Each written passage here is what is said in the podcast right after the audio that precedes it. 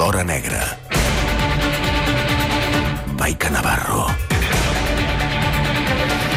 Maica Navarro, bon dia i bona hora. Què tal? Aquí estic endreçant el pupitre. Així m'agrada. Tot bé, Maica? Sí, ostres, ha sigut una... Una setmana dura, eh? Home, em vas prometre que tindríem sentència al Trapero fa una setmana i No, no, encara, vaig- encara l'estic esperant. Jo t'ho vaig prometre, això. Jo et vaig dir que... No, no, no, no, no mentida. No em facis dir... No, no és veritat. O sigui, jo crec que sóc de les poques periodistes que no ha jugat amb el pronòstic de la sentència. Uh, perquè, és, eh, perquè és un joc absurd. L'única cosa que vaig... És veritat que molta gent, molta, molta, molta gent l'esperava divendres, molta, molta, molta gent. Fins i tot em consta que s'havien alliberat agendes de, per si de cas, eh, agendes de, de, de responsables policials per, per, per, per doncs, doncs una mica per, per, per llegir-la i, i, i, i, des, i bueno, doncs allò, buidar el dia i al final a primera hora del matí el que vaig fer va ser trucar a una font oficial de l'Audiència Nacional, és a dir, a la cap de premsa, de, a la que havia estat cap de premsa de l'Audiència Nacional, la Maite Cuchillos, i vaig dir, escolta, uh, avui hi haurà sentència? Em va dir, no, avui no hi haurà sentència. Ara no li vaig preguntar i quin dia de la setmana que ve? Perquè és una pregunta absurda. Perquè si us, en cas de que ho sapigués, tampoc ho traslladaria. Està, Per tant, està, està escrita la sentència? Uh, falta que la firmin els jutges, entenc, no? O què? què? No tinc ni idea, no tinc ni idea si està signada, si encara hi ha algú dels tres magistrats està redactant. És veritat que mm, aquesta, el, de les poquetes coses que s'han filtrat, de, o sigui, que no parlem d'especulacions, sinó filtracions eh, mm, sòlides, o sigui, amb informació bona, que forma part de filtracions, que potser qui ho explica és algun dels tres magistrats, eh? o sigui, però filtracions, o, o, o que aquests tres magistrats hagin pogut manifestar a gent de la judicatura i que allò s'hagi filtrat és que hi ha algun, està havent-hi una gran discussió, una, dis, una gran discussió entre els tres membres de, del tribunal que ja era d'esperar i que ja, ja intuïem tothom. Recordem perquè... que uh, el que han de jutjar és si hi ha delicte o no hi ha delicte de sedició, no, Maica? hi ha un primer, una primera petició de fiscalia de delicte de sedició, però també hem de recordar que al final del judici um, la fiscalia, el fiscal Carballó, finalment el que li diu als membres del tribunal és mirin, nosaltres creiem que això és un delicte de sedició i de fet hem fet una acusació i hem fet uns interrogatoris en virtut del delicte de sedició, tot i que, allò, punto i part, no va haver-hi cap pregunta sobre violència, però vaja, o sigui, una cosa una mica, una actitud tumultuària sense violència, però vaja, en fi, és una manera d'entendre la, la sedició, tot i que al final, a, a les seves, a la, el seu informe final, que diu és, però mirin, sap què? Uh, si no ho veuen clar, no l'absolguin. Amb una desobediència ens conformem. Ostres, uh, perdoni, però és que aquest judici no ha anat per desobediència. Aleshores, Una sí que pregunta, des una de- pregunta. Crec que són tres jutges i Sí. s'ha publicat que n'hi ha dos que estan a per l'absolució i un que no. Això Clar, és així? El, el, deia que aquestes filtracions que oficials el que ens estan dient és que aquest tribunal que està integrat per tres magistrats i que hi ha una presidenta que és la, la Concepción Espejel, Doña Concha, que li diuen Doña Concha, doncs és veritat que mm, eh, representen tres postures eh, ideològiques eh, molt diferenciades. El ponent de la sentència, qui hauria de redactar la sentència, signar-la, és el ponent, aquest ponent seria el jutge mm, considerat progressista.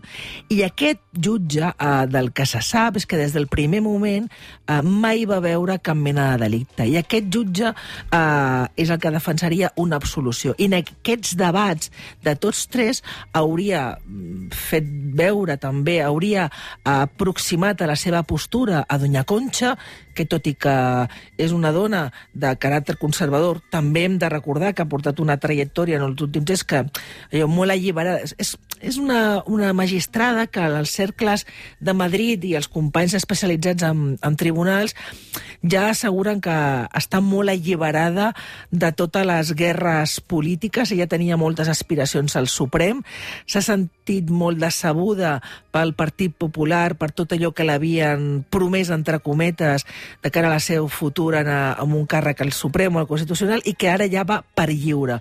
És la magistrada que va deixar anar el Sandro Rossell i que, a més a més, tothom li atribueix una guerra oberta amb la Carmen Lamela, aquesta magistrada, que és qui va fer la instrucció d'aquesta causa. Per tant...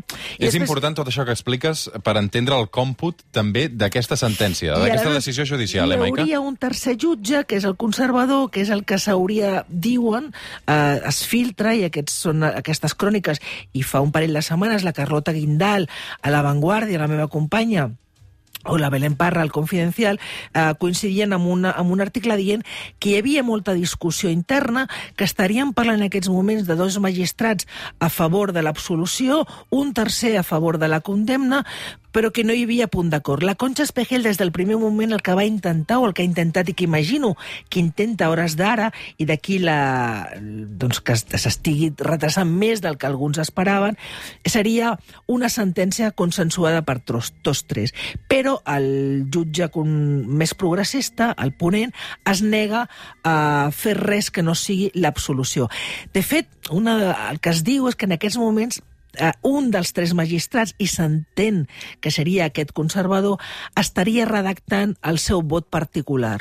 I el pronòstic, el, el, que, el que coincideixen més analistes en, a l'hora de fer una quiniela de què podria passar, i en principi la setmana que ve, però res ho, no tenim cap element que jo sigui certer, és que estaríem parlant d'una absolució amb un vot particular.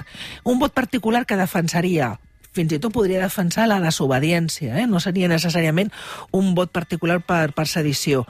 I per això que seria el redactat d'aquest vot particular que la Concepción Espejel havia intentat evitar durant molt de temps, doncs el que, el que estaria fent que aquesta espera fos encara més, més llarga. Aquesta sentència, que esperem que arribi aviat, també, eh, per la tranquil·litat de tots plegats, eh, pot o no tenir algunes conseqüències. Aquesta setmana, conseller Interior Miquel Samper deia això a la cadena SER. Una pregunta feta pel propi president i el conseller Buch, ell va manifestar que no tenia cap intenció de tornar. El que sí que eh, és evident és que si la sentència surt, com tots esperem, amb un resultat absolutori, el primer que farem és celebrar-lo. I un cop ho haguem celebrat, evidentment, malgrat que ell es va manifestar en el seu moment, tornarem a parlar-ne. Hi ha alguna possibilitat que Josep Lluís Trapero torni a ser major dels Mossos? Josep Lluís Trapero sempre ha estat major dels Mossos. És a dir, el càrrec no es perd. Ja, ja... Eh. No, és que, no, és que hi ha una confusió generalitzada, o sigui, tothom ho confon. Josep Lluís Trapero... Que torni a la cúpula, moments, vull dir, Maica, sí, però... Ja... Està a la cúpula. Que torni a ser cap del cos, és la pregunta correcta. D'acord. Uh, ell en aquests moments és el... Mira, tira aquí a la dreta, a la, a la, a la vitrina, a dues persones que m'estimen molt i les saludo. Adeu! És el que té esta diagonal amb Beethoven eh, de cara al públic. Uh, L'Anna i la Patro. Sí, endavant. Però en si, Josep si... Lluís Trapero és en aquests moments és el policia de la, de la Generalitat que té, que ostenta uh, la, el galó més, més alt, és la màxima autoritat en aquests moments en el cos, i ho és des del moment que va ser anomenat major. El càrrec de major és un càrrec que es guanya. Ell va fer... Va haver, es va, va haver una oposició per a aquest càrrec, es va presentar, va ser l'únic que es va presentar, i va guanyar, o sigui, hi havia unes proves un, i, i les va guanyar, les va superar, va fer després un curs d'especialització i és major. I això no es perd, sempre serà major. El que em preguntes és si, si hi ha alguna opció de que torni amb una condemna absolutòria a ser cap del cos. Això només està en el cap del, del major. Evidentment, el, el conseller Samper eh, ha parlat diverses vegades amb ell, ho ha, ho ha explicat ell mateix, el conseller, amb, amb entrevistes que en aquesta casa i a mi també a, a La Vanguardia, és el que havia de fer, i, i és veritat que el conseller recorda cada cop que se li fa aquesta qüestió, que el propi major en el moment en què el president Torra i el, i el, i el que va estar conseller d'Interior, Miquel Buch, li plantegen l'opció de tornar a comandar el cos, el major els hi explica, escolta'm, estic més en aquests moments amb, una, amb un procés judicial prou complexa, jo crec que, que pel bé propi i del cos, jo m'haig d'allunyar de qualsevol responsabilitat i, per tant, eh, aquesta situació el que pugui fer el Josep Lluís Trapero només està en el cap del Josep Lluís Trapero. Jo imagino que ell haurà valorat tots els escenaris, però jo crec que serà una decisió que prendrà ell i que a l'hora de, de prendre-la tindrà en compte tots els elements que qualsevol persona hauria de tenir, que és, doncs, escolta'm tu, m'ha passat tres anys que ha sigut una, un sotreig brutal a la seva vida personal i professional, que ha deixat una empremta perquè a qualsevol li, li ha de deixar una empremta allò pel que ha, ha passat i està passant i per tant ell farà totes les valoracions i analitzarà tots els escenaris però jo no tancaria cap porta a cap escenari en aquests moments És que eh, recordem que eh, durant el judici mm, va revelar Trapero que els Mossos tenien un pla per detenir Puigdemont, eh, no? mm. Sí. Vull que això no sé com va caure, eh, tant a l'exili com a Lledoners. jo entenc que això recorda, eh, Roger, que ho avança en el judici del Suprem, on ell um, va com a testimoni, tenia totes les opcions de negar-se a declarar perquè com a testimoni, evidentment, està obligat a dir la veritat i després tenia pendent un judici com a imputat, com a acusat, com a investigat, i per tant, allà mm, sí que hagués pogut, si hagués volgut, ajustar les respostes als seus interessos particulars, però ell sempre ha tingut, mm, ha estat una persona i ha estat una persona molt íntegra i va dir que no tenia cap por d'explicar res. I de fet el seu relat, eh, el seu relat al Suprem va ser absolutament coincident amb allò que va dir en el, en el, a l'Audiència Nacional quan les preguntes coincidien. I és que, sí, els Mossos d'Esquadra, en aquells mm, moments de setembre, allò estem parlant setembre del 2017, van idear un pla per eh, detenir a la cúpula del govern si en aquell moment algun jutge eh, ho, ho, els hi demanaven. És veritat que si recordes durant el judici es va qüestionar aquest pla perquè no hi havia un document eh, físic que ho demostrés. Tot i que van desfilar per l'audiència diferents comandaments, o sigui, comissaris, que estaven al corrent d'aquest pla, especialment el comissari cap de la comissaria de policia judicial, a qui Trapero li encarrega que sigui el que determini quin comissari ha de detenir a quin membre del govern, i també recordo els comissaris Ferran López i Joan Carles Molinero, que en aquests moments eren, formaven part de la prefectura del cos, eh, amb el Josep Lluís Trapero, que li van dir els dos al, Josep, al major, escolta'm, tu com a major t'has de quedar al marge de les detencions i, per tant, si algú ha de tenir a Puigdemont serem um, el Ferran i, i el Molinero, Ferran i Molinero, no, no, no el major. I, per tant, eh, això que tots van fer el mateix relat, alguns van, ho van posar en dubte, però fixa't, només hi ha hagut un llibre, només s'ha escrit un llibre sobre, sobre el Trapero. És curiós, eh? un personatge que aixeca tantes passions aquí i, i segurament tantes enemistats i odis uh, fora de Catalunya, també, també, uh, també, també aplaudiments. O sigui, és, una, és un personatge que genera moltes passions en, en tots els sentits. Ningú n'ha escrit cap, cap llibre, només hi ha un publicat que va ser després de, del judici, que es diu Cap de, de Tour, del, de l'Ernesto Kaiser, Mm. que per cert li enviem una forta abraçada, que Sí, ha s'està recuperant del Covid, sí. Sí, sí, va estar, ha estat fotut, eh? Està fotut. Doncs en aquest llibre, una de les coses que desvela és una entrevista amb el que havia estat número 2 d'Interior en aquell moment, el secretari d'Estat de Seguretat, el José Antonio Nieto, i el Nieto sí que dona per, per bona, sí que es creu el pla de, de detenció. Explica que sí que, que veia, que, vaja, que li donava credibilitat, i a més a més, o sigui, ja et dic jo, i qualsevol que, que, que el conegui t'asseguraria que el Trapero hagués detingut a Puigdemont i hagués detingut a, en fi, a, a qualsevol que, que un jutge l'hagués dit que de detenir. Amb això, en fi, és que es poden qüestionar moltes, molts elements i conductes de la seva trajectòria professional, però integritat i compromís amb la justícia i amb el que implica ser policia és inqüestionable, inqüestionable. Saps, eh, saps, per tancar, eh, saps si hi ha relació eh, actual entre Trapero i les presons o entre Trapero i l'exili? No, vaja, no ho sé, jo crec que no. I que- jo crec que no, ell... Per exemple, amb Quim Forn, amb qui van haver de treballar en moments molt delicats, ja sigui per l'atemptat o després per l'1 d'octubre. Va ser una relació molt... molt és que amb Quim Tres mesos, tres només mesos, tres, tres mesos. mesos, sí, sí. Jo no, no, no ho sé, no ho sé. Jo em diria, m'arriscaria a dir que no, m'arriscaria a dir que no. Ell continua treballant, continua treballant, de fet no ha fet ni vacances, no ha fet ni vacances encara aquest any, i mm, continua el seu despatx anant-hi eh, treballant a diari a un dels despatxos que tenia com a major, no en el de Gara, el principal de Gara, que va estar vuit, vuit molts, molts anys després de la seva cessament davant del 155, no el va ocupar Ferran López, no el va ocupar el Miquel Esquius, el va ocupar finalment ara l'Eduard Sallent, i que era lògic, en una qüestió de- d'espai, i ara i ell està en un altre dels despatxos que tenia treballant, treballant amb feines del cos que no estan vinculades amb l'operativitat del dia a dia, però és que la policia hi ha moltes coses a fer que no... moltes coses a fer i, per tant, se n'ocupa d'això. Mm -hmm.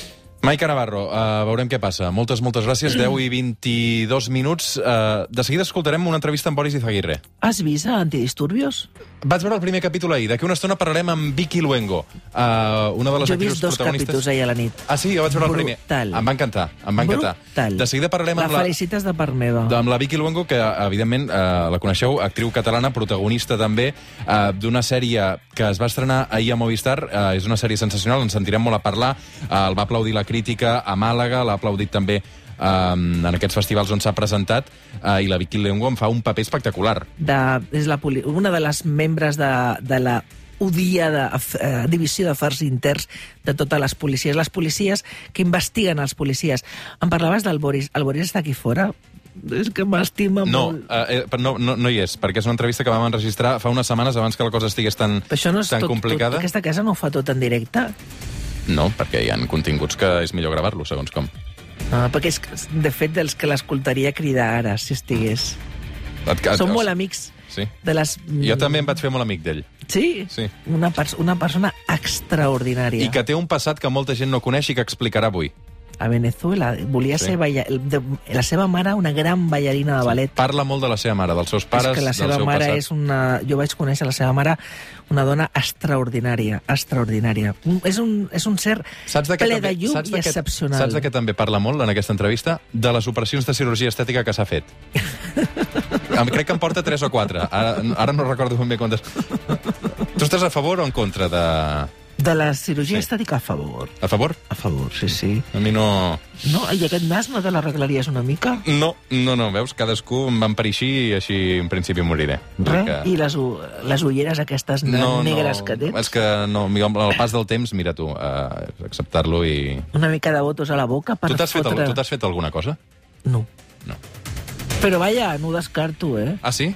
Què et fa- 52 anys. Em pujaria les tetes. Ah, sí? Ah. Cap on? Cap amunt? No, cap a baix. Si No, no ho sé. idiota... No, és que no ho sé, escolta'm. Uh, o sigui, el tema dels pits, uh, tu... Bueno, perquè tinc 52 anys i mira, baix, tot baixa. Sí, meu, sí, això sí. Però hi ha el push-up, no?, que és el... És un conyazo. Sí, fa mal. No, és Apreta. un co... Però i quan me'l trec, què? Home, doncs, Saps sí. tu que hi ha un truco per entrar a la platja? Sí? Tu pregunta, perquè moltes vegades la gent que fa tobles, que fem tobles, uh. -huh. entrem a l'aigua amb, les, amb les mans pujades a dalt, com tocant-nos el cap, que és un gest que fa pujar les tetes. Ah, és a dir, tu entres a la platja, Sí. mans en l'aire i així Sí. tot pot pujar cap amunt. Sí, és un truquillo. Els homes també ens penja tot, eh, quan arriba a una certa edat. Vull dir que ja... Sí, sí, sí. Això és llei de vida, Els al final. collons baixats és molt llest, també. Sí, ho deixarem aquí. A Sí, 5 minuts per arribar a petó, dos quarts perdona. d'onze. Maica Navarro, moltes gràcies. Adéu. El suplement. Ràdio amb esperit de cap de setmana.